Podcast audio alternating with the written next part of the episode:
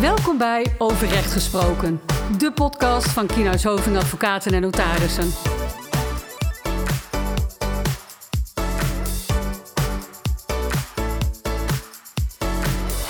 Welkom terug bij de podcast van Kienhuis Hoving Advocaten en Notarissen. Allereerst, wie zit er vandaag aan tafel? Ja, Tom Pol zit aan tafel, uh, advocaat ondernemingsrecht en intellectueel eigendomsrecht. Yes, en aan deze zijde uh, Ramon Steenbergen, advocaat uh, IE, privacy, maar ook bijvoorbeeld contractenrecht. Alle markten thuis, hè Ramon? Zeker, zeker. Heel goed. Tom, waar gaan wij het vandaag over hebben? Nou, we hebben weer een leuk onderwerp uit de kast getrokken. Dit keer gaan we het volgens mij hebben over algemene voorwaarden, Ramon. Een, een onderwerp wat in mijn praktijk in ieder geval heel vaak voorbij komt. En waar toch ook heel vaak wel dingetjes fout gaan. Terwijl dat helemaal niet per se zou hoeven. Nee, nee, dat klopt zeker. Ja, het gaat verrassend vaak fout in de praktijk voor iets wat eigenlijk met uh, het volgen van een aantal simpele stappen goed geregeld kan zijn. Uh, en jullie raden het al, we gaan vandaag ook in op uh, een stappenplan voor de toepasselijkheid van die algemene voorwaarden. Dus ja. hoe regel ik dit op de juiste manier en hoe voorkom ik latere discussies? Exact. en we hebben een, ja, een mooie uitspraak gevonden, denk ik, die ook illustreert wat er dan zoal verkeerd kan gaan. Die zullen wij ook uh, even opnemen trouwens in de podcast notes. Even een verwijzing naar die uitspraak, dat is goed om erbij te zeggen.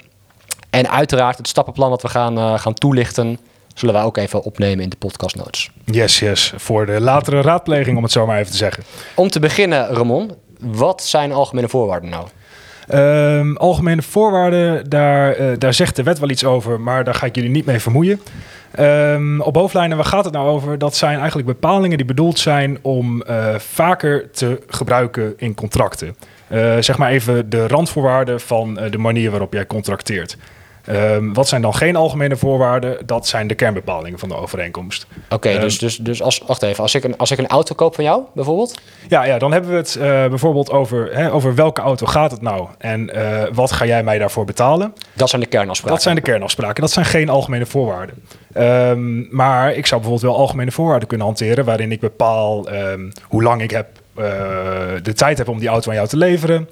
Um, hoe de aansprakelijkheid voor gebreken in die auto geregeld is en uh, welk recht van toepassing is bijvoorbeeld. Nederlands recht of Duits recht. Of... Precies, precies. Exact, exact. Als wij dat samen aan de Oostenrijkse rechten willen voorleggen, als we het niet eens zijn over jouw auto, dan uh, kunnen we dat in principe ook opnemen in die algemene voorwaarden. Ja, precies. En jij zou sowieso bij de algemene voorwaarden die, die tussen ons gelden iets zeggen dat ik voor jou koffie mag halen voortaan of zo? Dat ja, dat lijkt me, wel een, uh, lijkt me een goeie. Dan uh, leggen we de praktijk ook meteen vast in de algemene voorwaarden. precies, precies. Hartstikke mooi. Ja, en oké, okay, maar ja, algemene voorwaarden. Dus je hebt de aansprakelijkheidsregeling, kun je erin zetten, hartstikke leuk. Maar ja, hoe zorg je dan dat ze van toepassing zijn? Want dat is natuurlijk wel essentieel, dat je dan dus ook wel op de juiste manier die algemene voorwaarden van toepassing uh, verklaart. Ja, precies. En dan kom je eigenlijk meteen bij dat stappenplan waar ik het net al even over had. Um, kort gezegd zijn er drie stappen. Hè. Allereerst zorg je ervoor dat die algemene voorwaarden goed van toepassing worden verklaard. Uh, daarbij komt dat je ze op de juiste wijze moet verstrekken. En ten derde moet de inhoud ook nog goed zijn. Hmm. Nou ja, we beginnen bij het begin. Dat van toepassing verklaren van die algemene voorwaarden. Dat hoeft eigenlijk niet zo heel erg ingewikkeld te zijn. Um, van belang is dat je vooraf bij het sluiten van die overeenkomst. Um, ja, bepaalt uh, mijn algemene voorwaarden, de volgende algemene voorwaarden, zijn van toepassing op deze overeenkomst. Um, echt interessant wordt het pas als uh, we het daar niet over eens zijn. Hè? Dus uh, we gaan weer terug naar die, die koopovereenkomst voor die auto. Um, ik zeg uh, op de koop van de, verkoop van deze auto zijn mijn algemene voorwaarden van toepassing. En Tom die zegt eigenlijk alleen nee, mijn algemene voorwaarden zijn van toepassing. Um, dan krijg je een discussie en die discussie wil je voorkomen. Dus wat je dan doet is in de praktijk, of wat, wat de wet hier eigenlijk regelt, is dat Tom dan mijn algemene voorwaarden uitdrukkelijk van de hand moet wijzen. Wat betekent dat als ik zeg mijn algemene voorwaarden zijn van toepassing, dat Tom vervolgens zegt. Um, nee hoor. Ja, nee hoor, eigenlijk. Die, nee, nee, ja, iets, ja. iets, iets eenvoudiger. Um, we zijn het eens over de koopprijs. Hè? Ik zeg die auto gaat 9000 euro kosten. Tom zegt prima, 9000 euro. En ik zeg mijn algemene voorwaarden van toepassing. Zegt nou, Tom, nou prima, 9000 euro voor die auto. Maar ik kan me absoluut niet vinden in jouw algemene voorwaarden. Ik wijs ze uitdrukkelijk van de hand. En mijn algemene voorwaarden zijn van toepassing. In die situatie zijn Tom zijn algemene voorwaarden van toepassing. Doet Tom dat niet, dan ben ik de eerste die mijn algemene voorwaarden heeft verstrekt. Um, heeft Tom ze niet uitdrukkelijk van de hand gewezen. En dan zijn mijn algemene voorwaarden met dat beding over die koffie en die Oostenrijkse rechter van toepassing. En dat is dus één puntje al, Ramon, om daar even op in te haken. Ik merk in de praktijk dat dat dus al wel lastig is, omdat uh, wat er vaak gebeurt, hè, dus stel je voor, jij zegt tegen mij dat jouw algemene voorwaarden gelden. en ik wil dat niet, dat ik niet voldoe aan dat stukje dat ik het uitdrukkelijk van de hand moet wijzen. Dus dat ik alleen maar zeg van nou ja, hè, ik ga er een beetje, ik laat het een beetje in het midden. Ik zeg alleen maar van ja, ik ben niet zo blij met die algemene voorwaarden van jou. Of ik zou liever niet samenwerken op basis van jouw algemene voorwaarden. Maar dat ik vergeet om ook goed duidelijk te maken, ondubbelzinnig, dat ik niet akkoord ga met jouw algemene voorwaarden. Ja, En dat is denk ik al wel een belangrijk eerste aandachtspunt.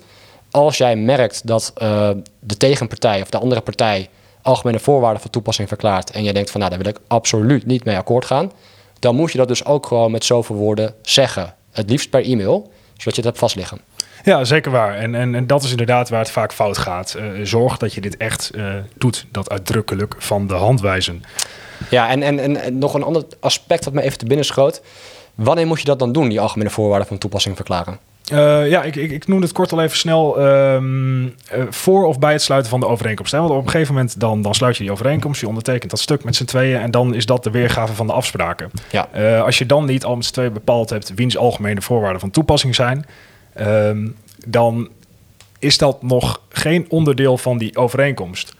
En nou ja, bijvoorbeeld, hè, misschien is dit een mooi bruggetje naar de uitspraak die we even zouden behandelen. Hm? Uh, als ik korte situatie schets, uh, uh, het ging om de verkoop van producten. er werd een koopovereenkomst gesloten en daarin werden geen algemene voorwaarden van toepassing verklaard. Nou ja, die verkoper die realiseerde zich dat waarschijnlijk op een later moment en die dacht, um, ik ga in mijn facturen nog even bepalen dat de algemene voorwaarden van toepassing zijn. Wat hij dus deed, is na het sluiten van de overeenkomst um, bij de facturen zijn algemene voorwaarden meesturen. Ja, dus de facturen die komen natuurlijk nadat het geleverd is dan. Precies, precies. Ja, hey, precies. Ik heb uh, mijn product aan jou verkocht, ik wil graag dat je gaat betalen. Dan stuur ik ook even een, ja, een factuurtje. Ja. Um, in deze uitspraak ging het eigenlijk op verschillende punten mis. Allereerst dus dat, dat die algemene voorwaarden pas na het sluiten van de overeenkomst nog even meegestuurd werden. Nou ja, dan zijn ze geen uh, onderdeel van de afspraken. Want te laat. Want te laat, inderdaad. Um, en daar komt nog bij dat die algemene voorwaarden ook niet op de juiste wijze van toepassing werden verklaard. Um, wat speelde er nou? Uh, de verkoper heeft nooit gezegd: Mijn algemene voorwaarden zijn van toepassing. Maar hij heeft alleen maar gezegd: Als bijlage treft u onze verkoopvoorwaarden in tweevoud aan. Graag ontvangen wij een ondertekend exemplaar retour.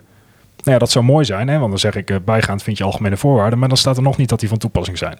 Nee, Um, dus dat is ook wat de rechter zei. Hè? Die zegt, nou, allereerst ben je te laat met het meesturen van die algemene voorwaarden. Je kunt niet eenzijdig, um, je kunt als uitgangspunt al niet eenzijdig zeggen, mijn algemene voorwaarden zijn van toepassing.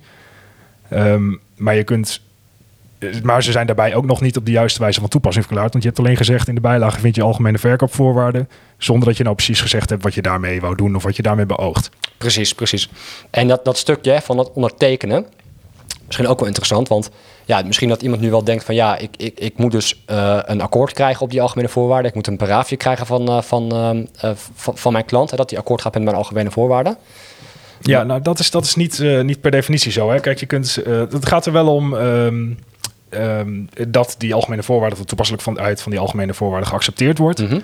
Uh, maar dat hoeft niet per definitie door uh, een ondertekende versie van die algemene voorwaarden terug te krijgen. Nee. Uh, het kan ook zo zijn dat die algemene voorwaarden stilzwijgend worden aanvaard, noemen ze dat. En nou ja, dat zou bijvoorbeeld de situatie zijn dat ik die auto aan, aan Tom verkoop. verkoop.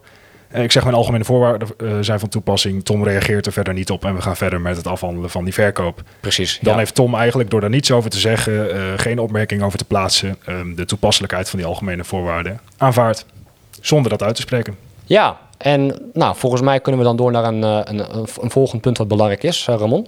Yes, dat, uh, dat denk ik ook. Um, vervolgens gaan we het namelijk hebben over het verstrekken van die algemene voorwaarden. Ja, dus je, je hebt ze mooi uh, van toepassing verklaard, dat is allemaal goed gegaan. Ja, dan is er nog een tweede punt belangrijk. Je moet er ook voor zorgen dat je de algemene voorwaarden ter beschikking stelt aan de andere partij. Waarom? Nou, dat is natuurlijk logisch. De andere partij moet wel de kans uh, krijgen om die algemene voorwaarden te lezen. Ze moeten, eh, die partij moet ook weten wat erin staat. Nou, van oudsher is het uitgangspunt eigenlijk dat je de algemene voorwaarden fysiek overhandigt. Hè, vroeger kwamen overeenkomsten natuurlijk vaak ook gewoon aan de tekentafel tot stand. Hè. Je ging bij elkaar zitten, je zet het op papier, handtekening eronder klaar. En dan zou je ook een, een kopietje van die algemene voorwaarden moeten meegeven. Ja, precies. En we weten allemaal dat het recht uh, hopeloos achterloopt en ouderwets is. Dus hoe is dat nu geregeld, Tom? Ja, de wetgever is hier uh, zowaar meegegaan met de tijd. Nee, dat is flauw. Maar de, de wetgever heeft hier een oplossing voor bedacht. Um, de wetgever die realiseert zich ook dat uh, overeenkomsten tegenwoordig heel vaak langs de digitale weg tot stand komen. Nou, wat bedoel ik met langs de digitale weg? Daarmee bedoel ik bijvoorbeeld via e-mail. Ja, ja, of wat we nu veel zien eh, via webshops. Hè? Al, Via die, webshops. al die bol.com bestellingen die nu uh, PostNL platleggen.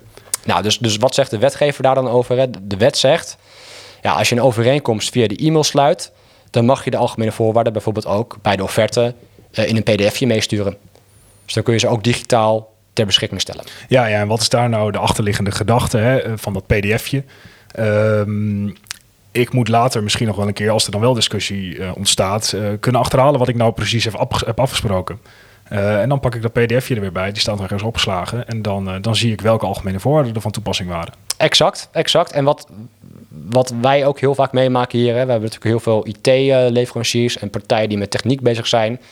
Nou, wat kenmerkt hun? Zij zijn een dienstver- dienstverrichter, vaak. Ja, ja dat klopt. Eh, en daarvoor geldt iets, iets bijzonders voor die algemene voorwaarden. Tom? Ja, want een, een dienstverrichter, dat zegt de wet ook, die mag eh, de algemene voorwaarden ook ter beschikking stellen aan de andere partij via bijvoorbeeld een duidelijk webadres. Dus als jij duidelijk maakt, ehm, hè, wat Ramon al zei, mijn algemene voorwaarden zijn van toepassing, ze zijn te vinden op mijn website via deze link, dan voldoe je ook aan het ter beschikkingstellingsvereisten. Ja, precies. Dus eh, jouw link eh, mijnbv.nl slash algemene voorwaarden. Ik klik daarop en ik vind meteen een downloadbare versie van die algemene voorwaarden. Dan is dat, als jij een dienstverlener bent, ook voldoende. Absoluut. En wat ik vaak eh, adviseer aan cliënten is om het eigenlijk allebei te doen. Hè. Dus ook al ben je geen dienstverlener, eh, ook al ben je het wel, het maakt niet uit.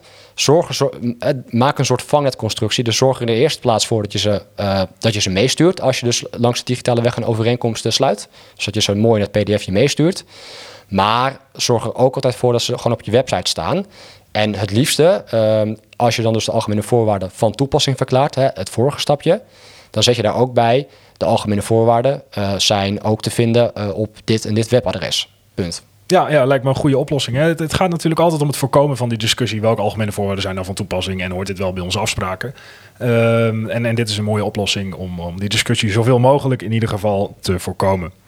Ja, Ehm, dan misschien nog even terug over die inhoud van die algemene voorwaarden. Hè? We Ja. hadden het er al even over. Dat zijn eh, de randvoorwaarden, bijvoorbeeld de levering, eh, aansprakelijkheidsbepalingen, ehm, eh, eigendoms, wanneer gaat het eigendom over, dat soort juridische kwesties. Ehm, wat goed is om te benoemen, is dat de wet het verbiedt om een aantal bepalingen op te nemen wanneer je als, als onderneming contracteert met, met particulieren. Hè, want zo'n particulier, zo'n consument, die wordt beschermd. Ehm, en als grote boze onderneming mag je dan niet eh, eh, bijvoorbeeld de aansprakelijkheid uitsluiten. Of eh, het recht op ontbinding, zeg maar even het recht op annuleren van een overeenkomst, eh, uitsluiten. Eh, dus op die manier wordt voorkomen dat de particulier die waarschijnlijk gewoon klikt, ja, ik ga akkoord met algemene voorwaarden en kom maar door met die bestelling, ehm, ja, wordt benadeeld eigenlijk in, in zijn juridische positie. Ja. En voor de rest kun je eigenlijk heel ver gaan. Hè? Als je met, zaken, met, met een professionele partij zaken doet, met een zakelijke partij, dan kun je in principe kun je heel veel eh, opschrijven. Ja, ja, we kennen dan eh, de, de contractsvrijheid eigenlijk om, om te bepalen eh, wat je wil. Hè? Wel binnen de grenzen van wat, wat mag. Maar dan kun je inderdaad heel erg veel, veel opnemen. Maar altijd goed om eens een keertje te laten toetsen door een, door een jurist, zou ik zeggen. Om te kijken of het allemaal eh, nog up-to-date is en eh, voldoet. Zeker, zeker, zeker waar. En we hebben, je ziet ook wel eens eh, onduidelijkheden in de algemene voorwaarden. Bijvoorbeeld doordat eh, bepalingen elkaar tegenspreken. Dat soort zaken moet je ook echt voorkomen. Ja, Ehm, die discussie die wordt pas gevoerd op het moment dat het fout gaat. Maar dat kun je dus aan de voorkant voorkomen. exact. En Ramon, wat ik ook vaak hoor, ik weet niet hoe jij erover denkt, is... Ik heb die algemene voorwaarden helemaal niet gelezen. Dus ze gelden ja, niet. Ja, die heb ik ook vaak gehoord. Ehm, maar dat is helaas niet de oplossing. Hè. Je kunt niet zeggen, ik, eh, ik steek mijn kop in het zand, even plat gezegd. Eh, ik lees die algemene voorwaarden niet. ehm, en dan zijn ze niet van toepassing, want ik ben er niet aan gebonden. Want ik weet niet waar ik aan gebonden ben. Eh, nee, zo werkt dat niet. Ehm, de wet regelt expliciet dat het niet lezen van die algemene voorwaarden... geen invloed heeft op de toepasselijkheid van die algemene voorwaarden. Dus als goed jurist moeten we jullie aanraden om ze wel altijd even te lezen. Absoluut. Absoluut. Nou, we hebben volgens mij een heleboel informatie gedeeld. Ja, misschien goed om nog even dat stappenplan eh, te herhalen. Hè? Ja. Het is een, eh, een, eh, een heleboel informatie, maar het gaat eigenlijk om drie tips. Allereerst, zorg ervoor dat je die algemene voorwaarden op de juiste wijze van toepassing verklaart. Ja, ne- Neem wat dat betreft bijvoorbeeld een standaardzinnetje op in je offerte. Hè, op al onze Precies. overeenkomsten zijn onze algemene voorwaarden van toepassing die te vinden zijn op onze website. Ja. En tevens Precies, daarmee kom je meteen op het, eh, op het tweede puntje, het op juiste wijze verstrekken van die algemene voorwaarden. Exact. Eh, dus zorg er inderdaad voor, je hebt ze van toepassing verklaard, dat je ook ze bij voorkeur dus meestuurt. eh, of desnoods fysiek afgeeft. Maar in ieder geval ook op je website zet. Ja, precies. En dat adres dus ook duidelijk mededeelt. Yes. En eh, nou ja, dan hebben we een derde puntje, de inhoud. Ehm, en dat is ook vaak waar, waar de juristen toch bij van pas komen. Want wat mag je daarin opnemen en hoe regel je dat op de juiste manier? Ja, en op die manier kun je natuurlijk gewoon zoveel mogelijk ja, discussie voorkomen. Precies, ja. Als je het op deze manier doet, dan eh, kunnen we eigenlijk dat relatief makkelijke van toepassing verklaren van die algemene voorwaarden ook makkelijk houden. hey, Ramon, en dan was nog iets met een masterclass, hè?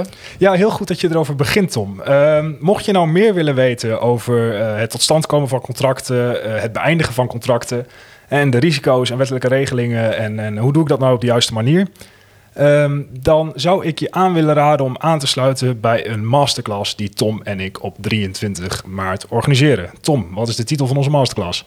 Ga je me dat nu echt vragen, Ramon?